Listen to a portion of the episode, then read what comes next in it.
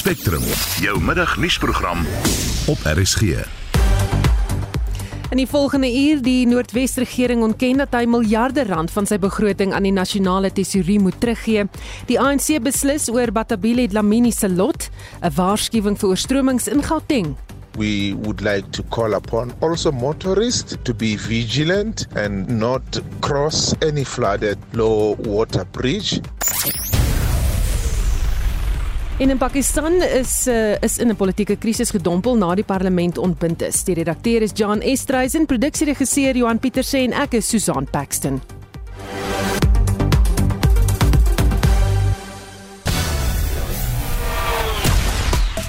In die dag se groot cricketnuus, Suid-Afrika se draaiers Keshav Maharaj en Simon Hamer het vandag geskiedenis gemaak toe hulle al 10 van Bangladesh se pakkies plat getrek het in Durban om die eerste toets te wen met 220 lopies. Die laaste toets begin eers komende Vrydag in Kleiberga. En die Amerikaanse jazz en R&B musikant John Batiste maak opslag op Twitter. Die nuweling in die musiekwêreld het gisteraand 5 Grammy toekenninge ontvang. Hy het behoorlik stof daar geskop in sy portiergroep se oë. Suid-Afrikaners se harte bars van die trots vir Black Coffee wat ook 'n Grammy toekenning ontvang het. Gons vra se daar congratulations groot man. Twitter gebruikers is verder ontevrede oor die afgelope naweek se brandstoftekorte by die King Shaka internasionale lughawe in KwaZulu-Natal en daardie oorwinning van die Proteas trek ook aandag met die gonswoorde Maharaj en Bangladesh. Nou, hoe voel dit om nou gedeeltelik ontslae te wees van jou masker na die jongste wysigings van die COVID-19 regulasies? Iemand het vroeër ge-SMS en gesê dat dit vreemd voel sonder die masker aan omdat hulle nou so gewoond is daaraan. Maar sal jy dit oorweeg en dis wat ek vir jou wil weet. Sal jy dit oorweeg om die masker aan te hou dra al is dit later nie meer verpligtend nie? Iemand wat ook ge-SMS het en gesê het, maar ek sal dit aanhou dra want dit keer dit ander siektes of wat ek siek raak van ander siektes soos verkoue ook. Stuur vir ons 'n stemnota oor jou gevoel. Hoe voel jy oor oor hierdie maskers. En as jy vandag op die King Shaka lughawe in Durban was en jou vlug is vertraag as gevolg van die brandstoftekorte daar, stuur ook vir ons 'n stemnota oor jou ervaring en hoe dit jou reis beïnvloed het. Stemnotas kan gestuur word na 076 536 6961. Dis 076 536 6961. Ons hoor graag van jou. Jy's ook welkom om saam te praat oor enige ander kwessies op die SMS lyn 45889. Dit kos R1.50 per boodskap. Spectrum, jou middagnuusprogram op RSG. Is 6 minute oor 12 en die Noordwes regering gaan glo so wat 17 miljard rand van sy 57,4 miljard rand begroting teruggee aan die nasionale tesourie. Koerantberigte wat dit het dat die provinsiale regering daaraan voer dat die departemente nie al die geld kon bestee nie. Die provinsie is bekend vir sy swak dienslewering en politieke partye daar het hewig gereageer op die aankondiging. Die hoof van die provinsiale departement van finansies, Ndlela Kunene, ontken egter dat daar enige waarheid in die berig steek. The direct answer is no, it is untrue based on two things. One is that our adjusted budget for the province is 48,788 billion rand. In fact, the budget is not 57.4 billion rand as reported by City Press because I think that is factually incorrect. That's the first thing. Secondly, that as at end of March 2022, and you'd appreciate that the financial year of all provinces, including national government departments, and on the 31st of March 2022. As per the preliminary provisional report, which has been drawn from the system, and I'm not talking about something that is done manually, the report indicates that the province has spent 47.246 billion rand, which translates to 96% of that expenditure. Kunene sê die teendeel is eintlik waar. Of the budget of 48 billion of the province, about 29 billion of that accounts for compensation of employees. What it means is that the balance, obviously, is used for initiatives or service delivery in the form of goods and payment for capital and transfer. Therefore, it is highly unlikely that uh, if we were to spend or return back 17 billion, that you would have only have not even spent on some of the service delivery. As a matter of fact, the amount is 48 billion, and we have spent 47 billion, which translates to 96.84%. Kunene verduidelik hoe die proses eintlik werk. You would recall that every year, all the provinces and national, they table what we call the adjusted budget. And it's for two reasons. One is that as and when you close your financial year, there would be that projected uh, 1.5 billion rand that we have, which is underspent. But what happens in practice is that the departments would have not necessarily processed all the payments for one reason or the other, and it will constitute what we call the accruals. What happens after that, there is a process which is called the rollover process, which we have already initiated as the province and in line with the legislation to get information from the departments of that amount of money, how much of that constitute accruals or commitments. So in the adjusted budget, that money will then be appropriated again as part of the adjustment budget process. Koneni sê sy departement probeer sy bes om te verseker dat daar geld is vir dienslewering in die provinsie. As per the Appropriation Act of 2021-22, the allocation, and I can only speak about the allocation, the allocation, and not only in the 2021-22, but also in the 22-23 allocation, is that the allocation or the funds that are meant to be spent by the department are meant to obviously facilitate service delivery, and part of it is also to create a conducive environment for initiatives around job creation. And in our view is that obviously given the limited resources that uh, as provincial treasurer we need to achieve value for money and uh, the money that should be used should be very impactful in terms of what we want to achieve. En dit was Ndlela Kunene, die hoof van die Noordwes Provinsiale Departement van Finansies. Ons praat nou ook met die politieke en beleidsontleder Tieu Venter. Goeiemôre Tieu. Goeiemôre. Nou jy is in uh, Noordwes uh, gesetel, as ek dit kan stel. En jy het nou gehoor dat Kunene sê dat daar nie regtig soveel geld teruggaan na Tesorini glo jy hom? Kom kom ek eh, bring net twee goeters in perspektief hier. Die eerste een is ons weet nou dat die begrotingssiklus van die staat, dit is nou die nasionale regering en provinsiale regerings loop van die 1 April tot die einde van Maart. So ons is nou in die laaste maand van die finansiële jaar, die vorige finansiële jaar. So die meeste provinsies, die meeste departemente moet nou seker maak hoeveel het hulle spandeer van die geld wat aan hulle toegeken is en ehm um, hy het die bedrag genoem tweede baie belangrike punt vir Noordwes is Noordwes is steeds onder administrasie deur die nasionale regering en in die voorsitterskap van die departement vir plaaslike regering en tradisionele sake, uh, Kokta en uh, die finansies van die Noordwes provinsie word eintlik ehm um, deurlopend ehm um, deur die nasionale regering gemonitor en alle betalings moet goedgekeur word deur 'n administrator of administrateur wat gehuisves word in die premier se kantoor. So die finansies van Noordwes word baie baie fyn dopgehou en die um, die president was so 'n maand gelede op sy eerste imbizo in die Noordwes provinsie iets wat in die verlede deur Thabo Mbeki dikwels gedoen het gedoen is maar in die periode van Jacob Zuma heeltemal verval het waar hy hier kom aandag gee het aan dienslewering en aan optrede van die provinsie as staatshoof en nie as politieke leier nie. En in tens daardie besoek weet ek was daar hoë vlak besluite en beslissings of die provinsie nie moet terugkeer na sy normale staat en dat hy dat hy sy eie geld sake moet kan bestuur en beheer en so meer nie. So ek dink die fout wat hier ingesluip het in die City Press berig is aan alle waarskynlikheid dat die joernalis nie mooi verstaan wat hierdie um rollovers is waarvan hulle praat nie. Met ander woorde dit kan wees dat daar soveel geld nie spandeer is nie, maar as jy aan nasionale tesourie kan verduidelik waarom 'n tender sinne maar loop van Desember maand tot in Junie maand um, van hierdie jaar wat eintlik oor twee begrotingsmaande val, dan kry jy spesiale toestemming dat die geld van hierdie jaar nog in die volgende belastingjaar gespandeer kan word.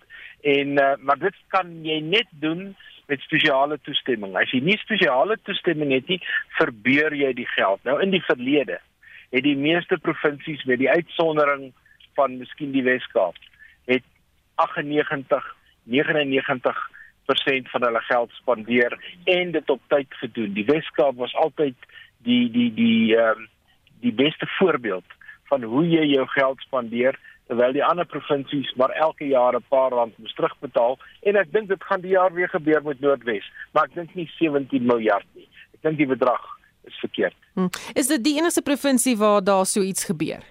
Nee. Nee, die die Oos-Kaap baie beslis, uh, die Vrystaat baie beslis, ehm um, uh, die Noord-Kaap ehm um, hoogs waarskynlik. Dit dit het eenvoudig te doen met die onvermoë van die provinsies om finansiële en projekbestuur behoorlik uit te oefen. Dat jy um, as jy sien 'n projek gaan langer duur, sê net maar 'n kapitale projek of wat ook al, dan moet jy tydig voorsiening maak om nasionale tesorie in te lig dat die geld nie dadelik spandeer gaan word nie, maar dit is reeds geallokeer. As jy dit nie doen nie, dan is nasionale tesorie ongelooflik streng.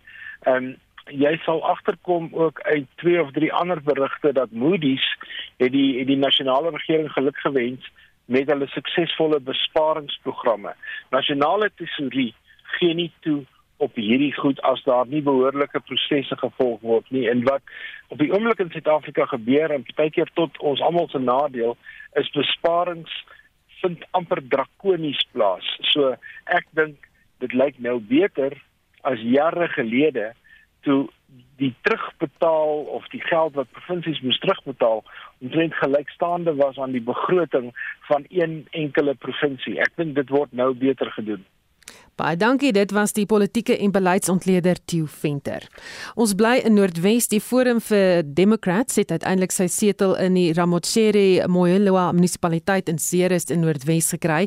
Die party moes die hof nader nadat die setel foutiewelik aan die EFF toegeken is. En vir meer praat ons nou met Herman Pretorius, die bedryfshoof en stigter van die Freedom Advocacy Network, uh, network eerder oftewel FAN in wat die regsproses gedryf het. Weer probeer. Goeiemôre Herman.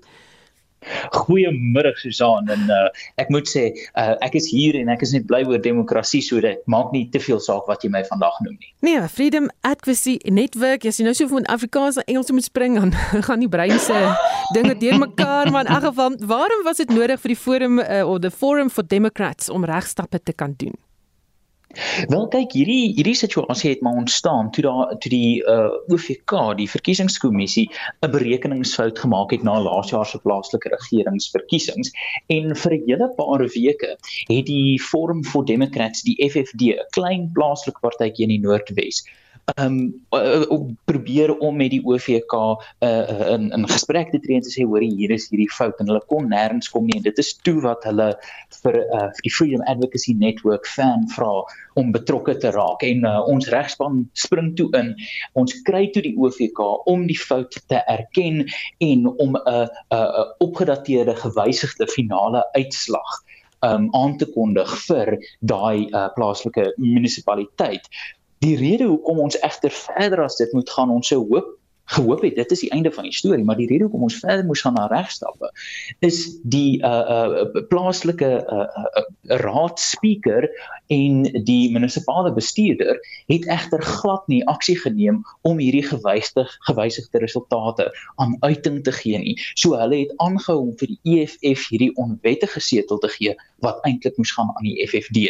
En toe dit nou sloer vir maande na die verkiesing, toe is ons en die FFD fan en die FFD genoop om drastiese stappe te neem in die Hooggeregshof. Wat beteken die setel vir die Forum for Democrats en die kiesers wat vir die party gestem het?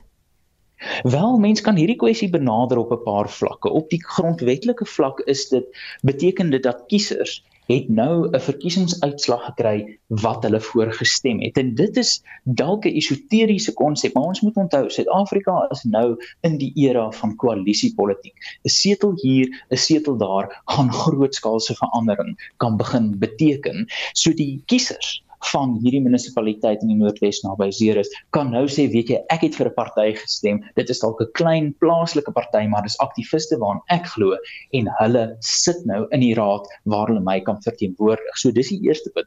Die tweede punt is hierdie is 'n oorwinning vir die klein party teenoor die groot stelsel. Die OVK die munisipale bestuurder die EFF wat ons aansoek in die hof geopponeer het en gewys het hulle stel nie regtig belang in 'n vrye en regverdige verkiesings nie.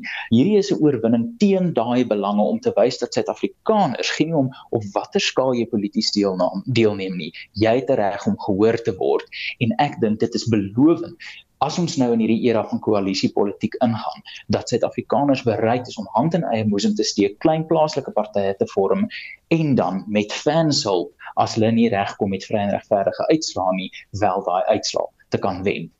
Baie dankie, dit was die bedryfshoof en stigter van Fan Herman Pretorius. Spectrum, jou middagnuusprogram op RSG. Nou ek het vroeër vir jou gevra of uh, jy nog jou masker sal dra as daar heeltemal weggedoen moet word daarmee of as dit nou daardie reëls geskraap word. Solank COVID woed dra ek 'n masker oral. Ek respekteer my eie en medemense gesondheid sê Ria. En nog iemand is Betty Graham van Queenswood wat sê voel benoud met die masker, maar vir my eie veiligheid en vir die om my sal ek hom aanhou dra en opsit in plek waar baie mense om my is. En Joey L sê ek gaan verseker my masker begrawe na die pandemie verby is. So is 'n bietjie van die terugvoer wat jy gee en jy kan vir ons stemnota stuur na 0765366961. Ons hoor graag van jou. Stuur vir ons 'n stemnota. Sal jy nog hierdie masker dra as hulle sê jy hom glad nie meer te dra nie? Gaan jy gemaklik voel sonder hom? Laat weet vir ons 0765366961. Suid-Afrika hou voet by stuk dat vredesame bemiddeling moet plaasvind in pogings deur wêreldmoondhede om die konflik tussen Oekraïne en Rusland op te los. Suid-Afrika het by die 41ste vergadering van organisasies van Afrika, Karibiese en Pasifiese state en die Europese Unie se parlement in Straatsburg, Frankryk, weer gevra vir 'n vredesame oplossing. Baie meen egter dat die versoek weer toon dat Suid-Afrika nie wil kan kies in die oorlog nie. Ons praat nou met professor Amanda Gous van die Departement Politieke Wetenskap aan die Universiteit Stellenbosch. Goeiemôre Amanda. Goeiemiddag. Hoe interpreteer jy Suid-Afrika se standpunt by die vergadering? Wel, ek, dit is net 'n voortsetting van die standpunt wat dit nou al uh, ingeneem het van die begin van die oorlog af. Maar dit beteken ook dat ons eintlik aan die verkeerde kant van die geskiedenis is, want ons is nou al meer as 'n maand uh, in hierdie oorlog in en wat ons nou sien is dat die president van die Oekraïne ook noem 'n genocide. Um, 'n volksmoord want uh, daar word baie meer um, burgerlikes nou doodgeskiet en van hulle word gevind met hulle hande vasgebind. So dit is 'n definitiewe teken van burgerlikes. En uh, vir Suid-Afrika om dan weet uh, terug te staan en te sê ons gaan nie uh, enige uh, morele uitspraak hier oorlewe nie. Ek dink ek is is net om eenvoudig om aan die verkeerde kant van die geskiedenis te wees. Hoe kan hierdie standpunt Suid-Afrika nou jou mening op die langtermyn bevoordeel of benadeel? Suid-Afrika neem hierdie standpunt in omdat hulle nie hulle bilaterale verhoudings met byvoorbeeld Rusland en China uh in in terme van die BRICS ooreenkoms sal benadeel nie. Hulle ons kry geld van Rusland, ons kry geld van China. Ehm um, en uh, ons is deel van die BRICS bank. Maar die die wêreld uh ons ons is besig om 'n uh, veranderende ehm um, wêreldorde te sien. Ons het uh, in die Koue Oorlog was daar twee pole. Nou is ons in 'n multilaterale uh wêreld waar daar meer as twee pole is en en Rusland gaan ehm um, geïsoleerd raak, dit gaan 'n pariah staat word en die vraag is dan hoe die res van die wêreld na ons kyk as as Rusland so geïsoleerd is. En ek dink daar is lande wat Suid-Afrika ondersteun het ehm um, tydens die die uh, vryheidsoorlog, ons eie vryheidsoorlog of ons vryheidsstryd, ehm um, soos die VS wat sanksies toegepas het, uh, lande in Europa wat sanksies toegepas het. Ehm um, en en wat eenvoudig uh, wat bygedra het tot die einde van van apartheid. En hierdie state gaan kyk na Suid-Afrika en sê ehm um, jy weet dit is uh, behoort ons Suid-Afrika nog te ondersteun in terme van ekonomiese uh, voordele en in terme van uh, ander uh, bilaterale verhoudings en so aan en ek dink ons gaan geknou word. Hm. Dan net laastens wat sou jy graag wil hoor moet die Suid-Afrikaanse regering uh, sê?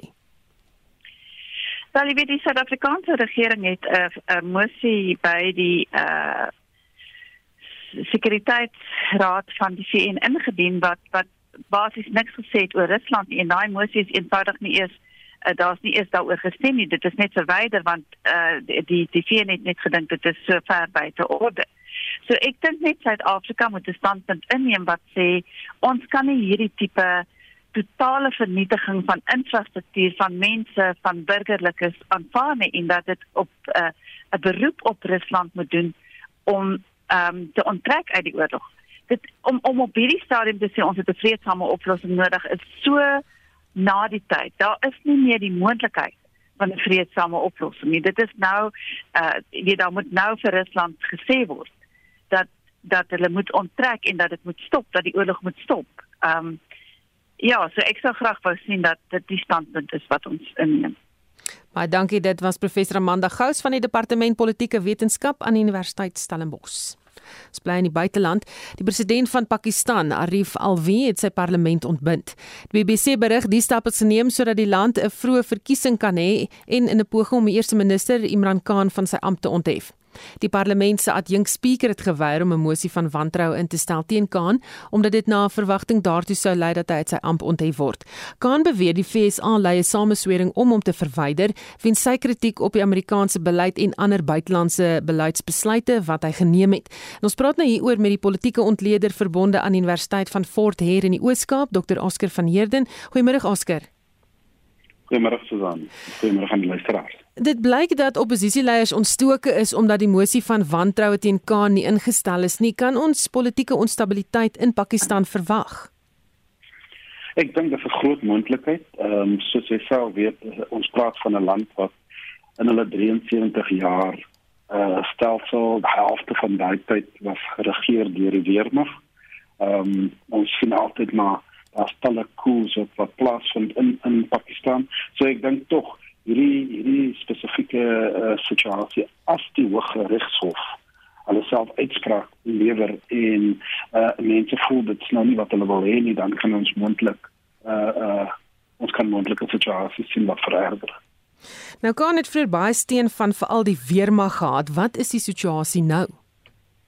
Wel, volgens berigte Susan het die weermag het basies vir hom gesê hy het drie hy het drie opsies. Uh of hy laat toe dat die mosie van wantroue in die parlement deurgaan en ons sien wat is die uitkomste van dit. Ehm um, of of hy hy roep vir 'n vroeë verkiesing of hy bedank. Dis was die drie opsies en hy het toe maar besluit hy hy wil nie hy sê hy wil nie bedank nie uh, want hy hy voel hy het enigiets verkeerd gedoen nie en uh, die enigste manier om vroeë verkiesing te te, te roep is om die parlement te ontbind uh, en en en as gevolg van dit het die motie van wantroue nie deurgegaan nie. Hm.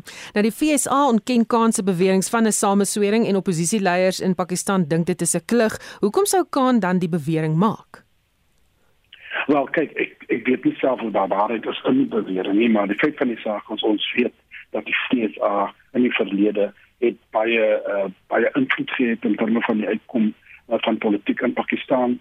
Um, daar was altyd 'n sameswering met die weermag en die smeer. So uh, ek dink kan probeer sê dat gegee word daai geskiedenis um, en agtergrond dat uh, die die FSA hanteer die storie. Maar die feit van die saak is ek dink tog dis nie noodwendig is 'n geval nie. Ek dink dat uh, die oppositie en en baie mense in Pakistan voel dat die die uh, premier minister Imran Khan het 'n goeie uh, goeie goeie job gedoen. Nou wat sou 'n vervroegde verkiesing vir Pakistan beteken? Ja, wat dit beteken is eerstens dat daar nog steeds demokrasie is in Pakistan um, en ek dink as Imran Khan voel dat hy die nodige ondersteuning en dat daar 'n komplot teen hom, dan sal die mense hulle hulle hulle uitspraak lewer in terme van die stem en en en seker maak dat sy party weer eens terugkom in die regering in. Ehm um, maar ek dink tog dis nie noodwendig die geval nie. Ek dink dat daar is groot sentiment wat sê alles alles alles soek verander. Baie dankie. Dit was die politieke ontleder verbonde aan Universiteit van Fort Hare in die Oos-Kaap, Dr. Oscar van Heerden. Terug na nuus op eie bodem.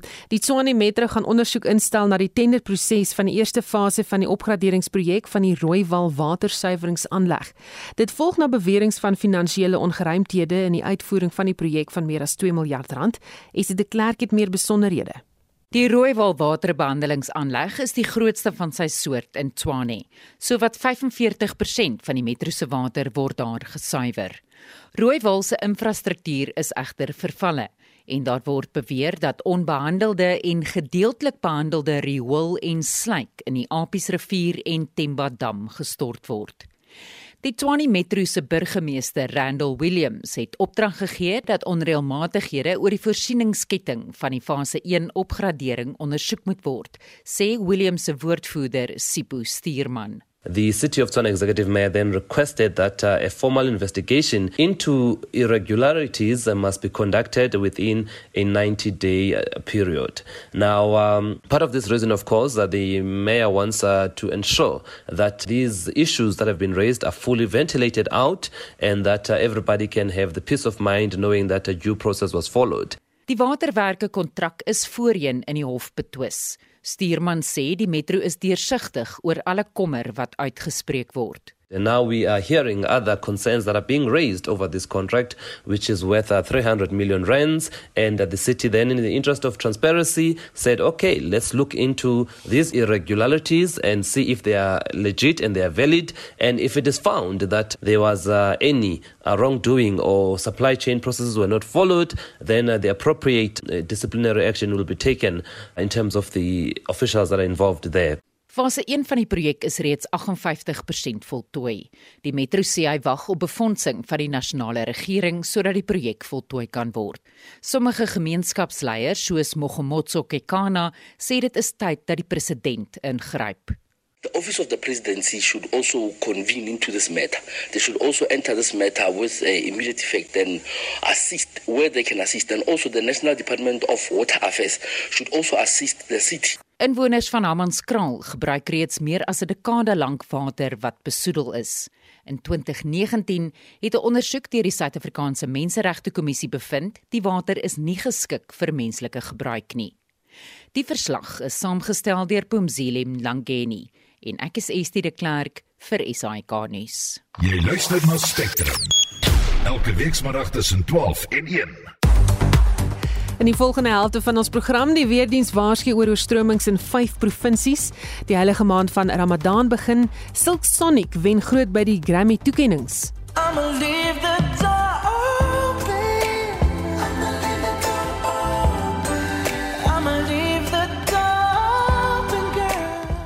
Bly ingeskakel. Daar is geen verkeer.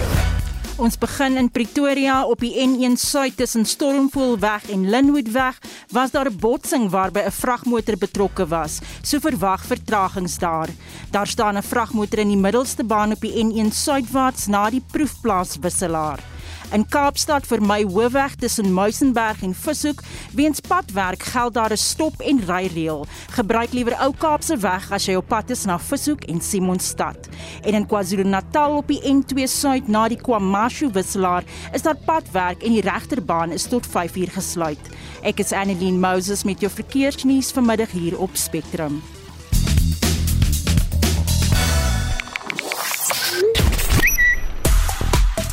En wat sosiale media betref, John Baptiste, Black Coffee en congratulations grootman is die Grammy gonswoorde op dit en uh, sportliefhebbers kan nie uitgepraat raak oor die Proteas se sege teen Bangladesh nie. Dit merk daar Bangladesh en Keshav Maharaj nog 'n gewilde besprekingspunt die afgelope naweek se ontwrigting by die King Shaka lughawe maar ons sien vlugte het hervat. Udo Karel sê is jy nou daar? Ek's nou daar Susan Paxton. Jammer tegnologie het my dan net so 'n bietjie in die verleentheid gestel. Nou ja, Bangladesh is reeds aan die begin van die dag onder groot druk om die wedstryd te probeer red en hoe goed was ons bowlers? Hulle was uitmuntend geweest Susan. Hierdie wedstryd is reeds laat op dag 4. Dis nou gister in Suid-Afrika se guns geswaai toe Maharaj en Hamer van die top 3 ontslaag geraak het.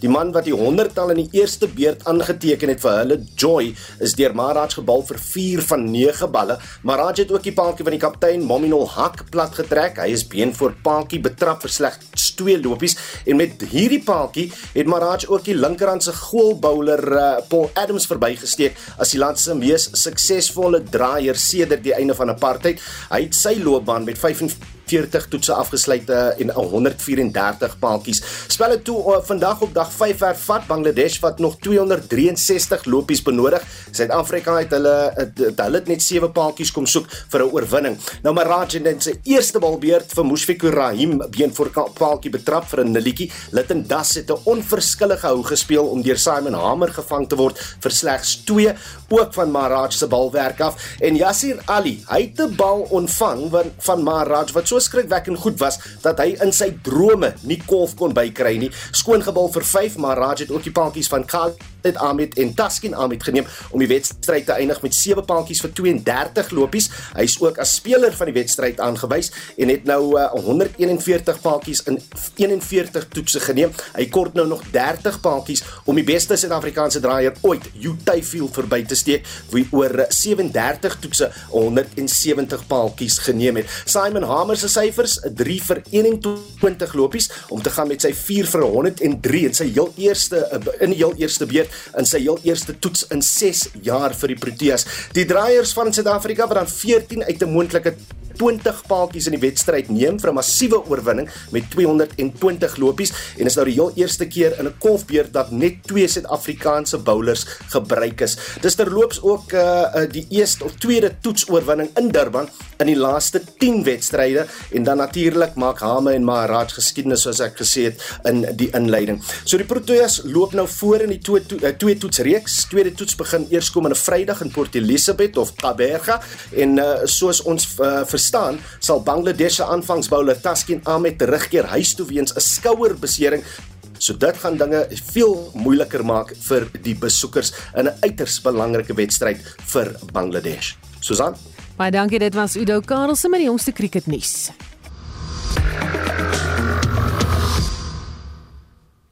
12:38 jy luister na Spectrum die Suid-Afrikaanse weerdiens het 'n waarskuwing uitgereik vir ontwrigtende reën wat kan lei tot plaaslike oorstromings in Gauteng, die oostelike dele van Noordwes, die westelike hoofveld van Mpumalanga, die suidwestelike bosveld van Limpopo en die ooste van die Vrystaat. En vir meer praat ons nou met 'n voorspeller by die weerdiens, Quentin Jacobs. Goeiemôre Quentin. Goeiemôre. Gister en vandag het goeie reën in onder meer Gauteng uitgesaak. Waar is hierdie reën weer te wyte? Wel, die hoofstelsel is 'n afsnylaag suid suid van die land, langs die suidkus. En hierdie afsnylaag is besig om tropiese lug van die noorde af oor te trek oor die sentrale en oostelike dele van die land. En dit is wat al hierdie uh, swaar reën en donderstorms veroorsaak. En dit is April, is hierdie eende weer normaal vir hierdie tyd van die jaar?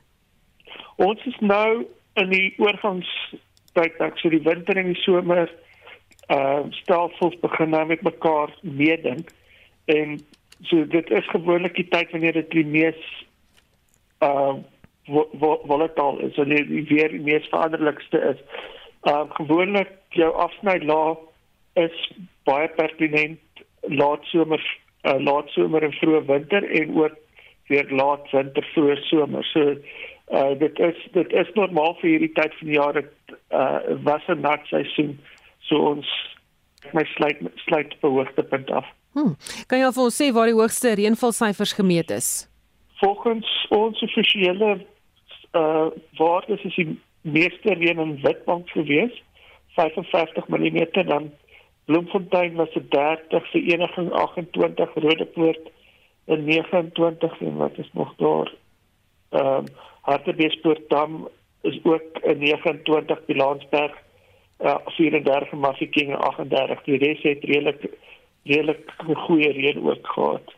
Maar dit is die hoogtepunte gewees. Ja, kan jy vir ons 'n idee gee van hoe weerpatrone vir die volgende paar dae daarna gaan uitsien?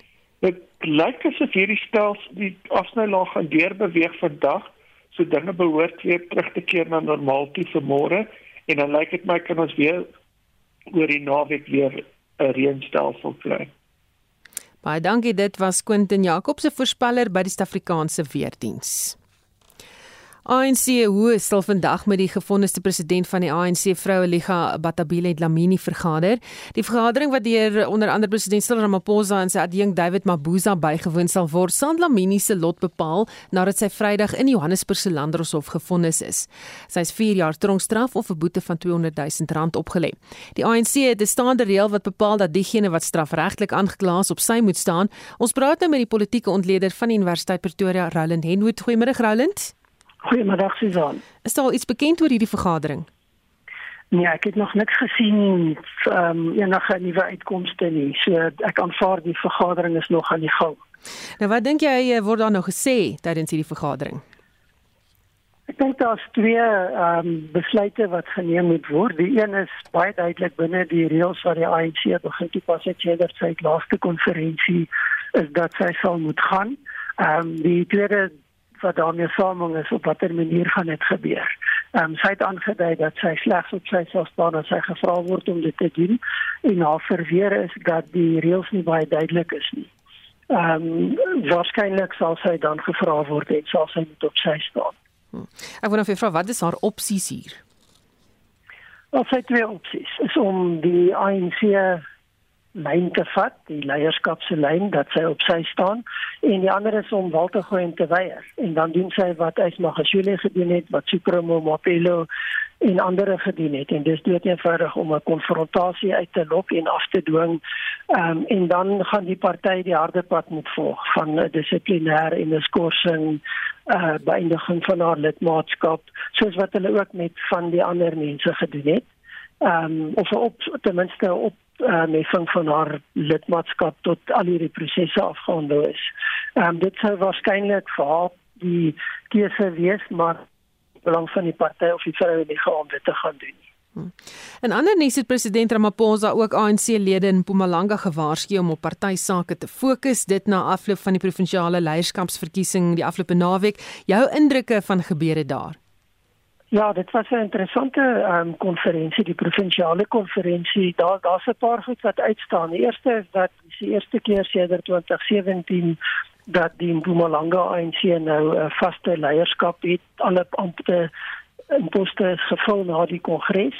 Ehm um, 'n tweede aspek is dat die onstabiliteit wat daar was, daar was weer 'n poging om deur middel van 'n hofbevel die konferensie te stop. Dit het nie gewerk nie. So die die partykongres het plaasgevind, die verkiesings is gehou en dan die derde miskien punt wat uitstaan is dat dit lyk asof die houvas wat die visiepresident David Mabuza op die provinsie gehad het nou gebreek is. Is baie duidelik dat 'n ander groepering die die sektor swaai en dat die provinsie waarskynlik op 'n ander manier hanteer gaan word as wat tot dusver die geval was. Versoen die party se doelwitte tans met nasionale belang. Ek dink mense kan sê breedweg ja, ehm um, maar as ons gaan begin kyk na die binnengevegte in die party, die faksievorming, die manier hoe die die party op laer vlakke funksioneer, dan kan ons waarskynlik die argument maak dat dit wat die party doen in sy eie belang is nie noodwendig in die belang van die res van Suid-Afrika nie.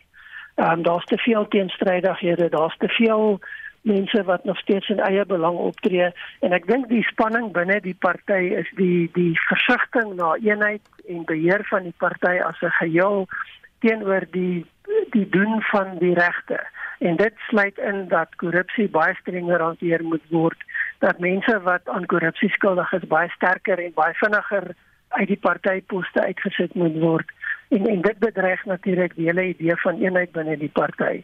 So daar's 'n bepaalde spanning op die stadium tussen partybelang en wat 'n mens waarskynlik kan beskou as die breër belang van Suid-Afrika. Hmm. Net weer terug na daardie verkiesing in Mpumalanga, wie is hierdie mense wat verkies is en hoe omstrede is hulle? Roland, is jy daar? Ja. Lyk vir my ons het daar eers Roland verloor. Dit was Roland Henwood, politieke ontleder van die Universiteit Pretoria. Die Suid-Afrikaanse Kommuniste Party ontken dat hy nie sy werkers betaal soos wat berig is in die afgelope Sondag koerante nie. Berigte wou dit hê dat die SAKP al die afgelope 6 maande nie werkers se salarisse betaal nie. Dr Alex Mashilo van die SAKP sê die storie is eenvoudig nie waar nie. It is untrue that the SACP hasn't paid its workers for six months. The report comes from the situation we had during the height of the COVID pandemic when there was a, hard lockdown. During that period, our membership levies dwindled because that is our main source of income. And also the number of our contributors from our membership base also dwindled. And there were months when the SACP could not pay salaries. Mashilo verduidelik verder dat die leierskap konstant met werkers gekommunikeer het oor die probleem. What happened is that there was a meeting between the leadership of the party and the staff to explain the situation. Salaries would be paid late, but in total, the cumulative number of months that were affected, which were not months in succession, but months that were staggered, would be four. And the agreement was because there was no revenue, as the SACP is a worker based organization and workers were at home. Uh, they were not receiving their salaries and they could not contribute levies to the party. The party had to ensure that it paid medical aid and pension fund contributions in full. Hy sê die party werk hard aan planne om 'n soortgelyke situasie te vermy. There are two things. As the lockdown relaxes, people gain employment, there is a change. You see, what happened is that when 2.2 million workers in the economy lost their jobs and unemployment rose, the reality, when you hear the SACP fight, we are fighting to defend the workers. These are the membership base of the SACP. When they are retrenched, they cannot pay their monthly membership levies. That impacts the SACP and the staff of the SACP. And that makes the SACP even stronger in the membership base of the working class because these are the people who support the party through their meager wages. En dit was Dr Alex Mashilo van die SAKP.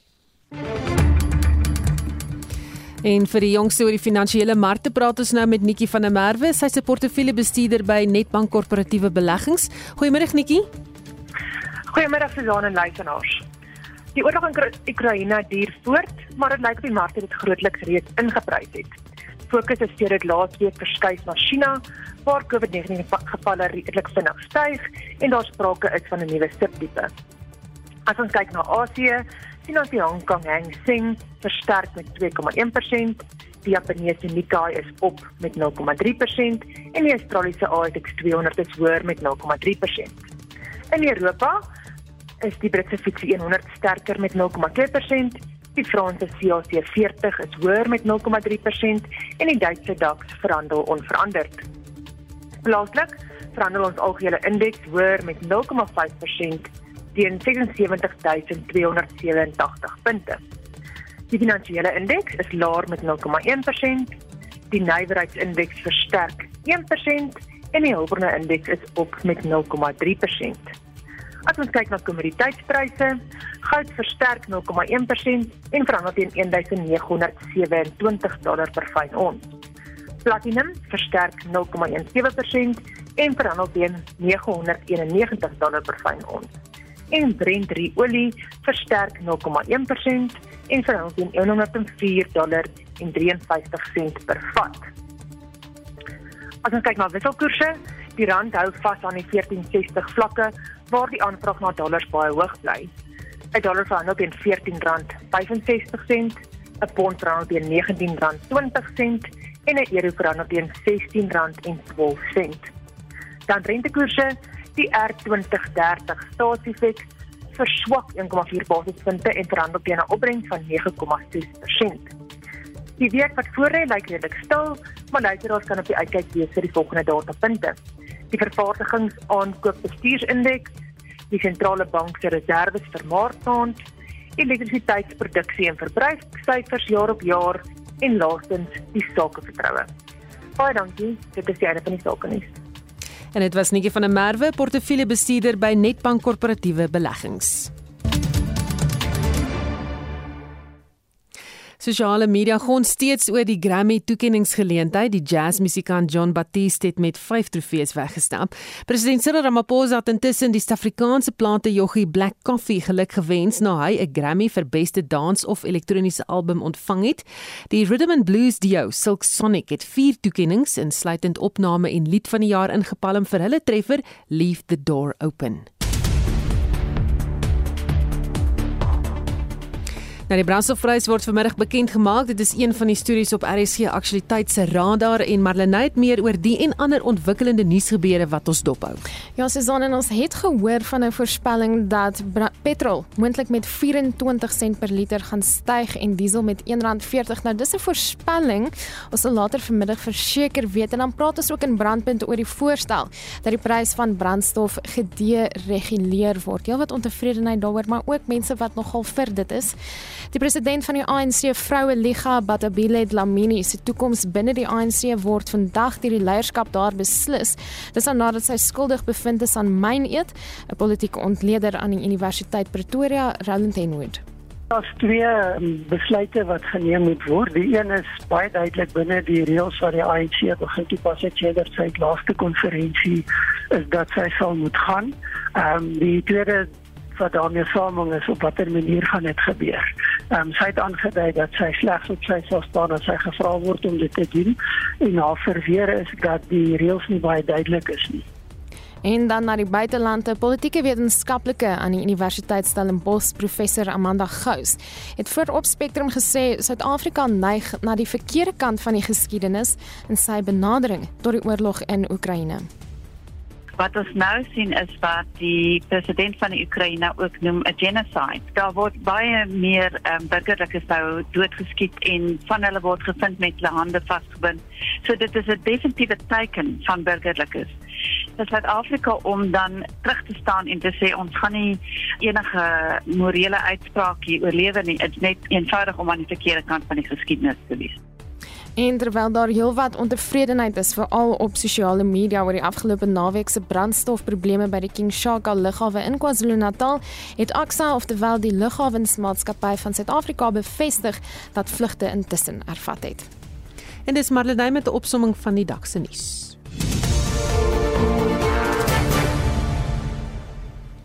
So gepraat van daardie probleme by King Shaka lughawe as jy beïnvloed is deur daardie probleme daar, dan kan jy vir ons 'n stemnota stuur en dis 0765366961. Almal intussen anders um, is besig om flink saam te gesels oor maskers en of hulle maskers gaan dra of nie. Andrei uh, Victor van Wellington wat sê ek sal my masker dra of opsit as ek na 'n maskerbal gaan. Nou onthou vanmiddag tussen 4:46 en 6:00 kan jy luister na Brandpunte, opsomming van die dag se nuushoogtepunte. Ons gaan praat die dra van maskers, gevaarlike optrede in die verkeer en oor verkeerspolisiehonde. Ja, jy het reg gehoor, 'n verkeerspolisiehond. Soos jy wil weet waaroor dit gaan, dan ja, gaan jy moet inskakel vir 'n uh, eh, brandpunt vanmiddag. Eerste keer wat hy op die lig gaan, ons is baie opgewonde hier uit die nuuskantoor uit daaroor. Nog 'n paar mense wat gepraat het oor uh, die maskers. Uh, dis Samuel Walters van Gouda wat sê, "Wie sê COVID is weg? Mense gaan nog dood. Ek sal my masker bly dra," sê hy. En dan hierdie masker was 'n of die dra van die masker was 'n groot groot fout en dit bly 'n klug vir die oningeligtes dat die COVID-19 kan beheer word. Waarom die res van die Europese wêreld dit reeds opgehef uh, met COVID ewe skielik dan nou net verdwyn sê die persoon, die mense wat die maskers uh, dra, doen nie dit uit wysheid uit nie, maar uit vrees. Soos 'n paar van uh, jou terugvoer oor die vraag wat ons gevra het Piet van Prieska wat sê ek sal nog maar net dra vir my gesondheid baie dankie. En nog iemand wat sê solank COVID nog daar is, solank sal ek nog my masker dra. Baie dankie vir almal wat saamgesels gesels het. Onthou vorige uitsendings van Spectrum is beskikbaar op Potgooi. Gaan net na RC se webblad by www.rc.co.za. Jy gaan ook kan luister na Brandpunt op Potgooi.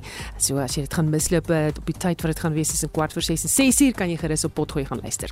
Ons groet namens ons uitvoerende regisseur Nicoline de Wee, die redakteur Jan Estreisen en ons produksieregisseur Johan Pieterse. Ek is Susan Paxton. Geniet jou middag.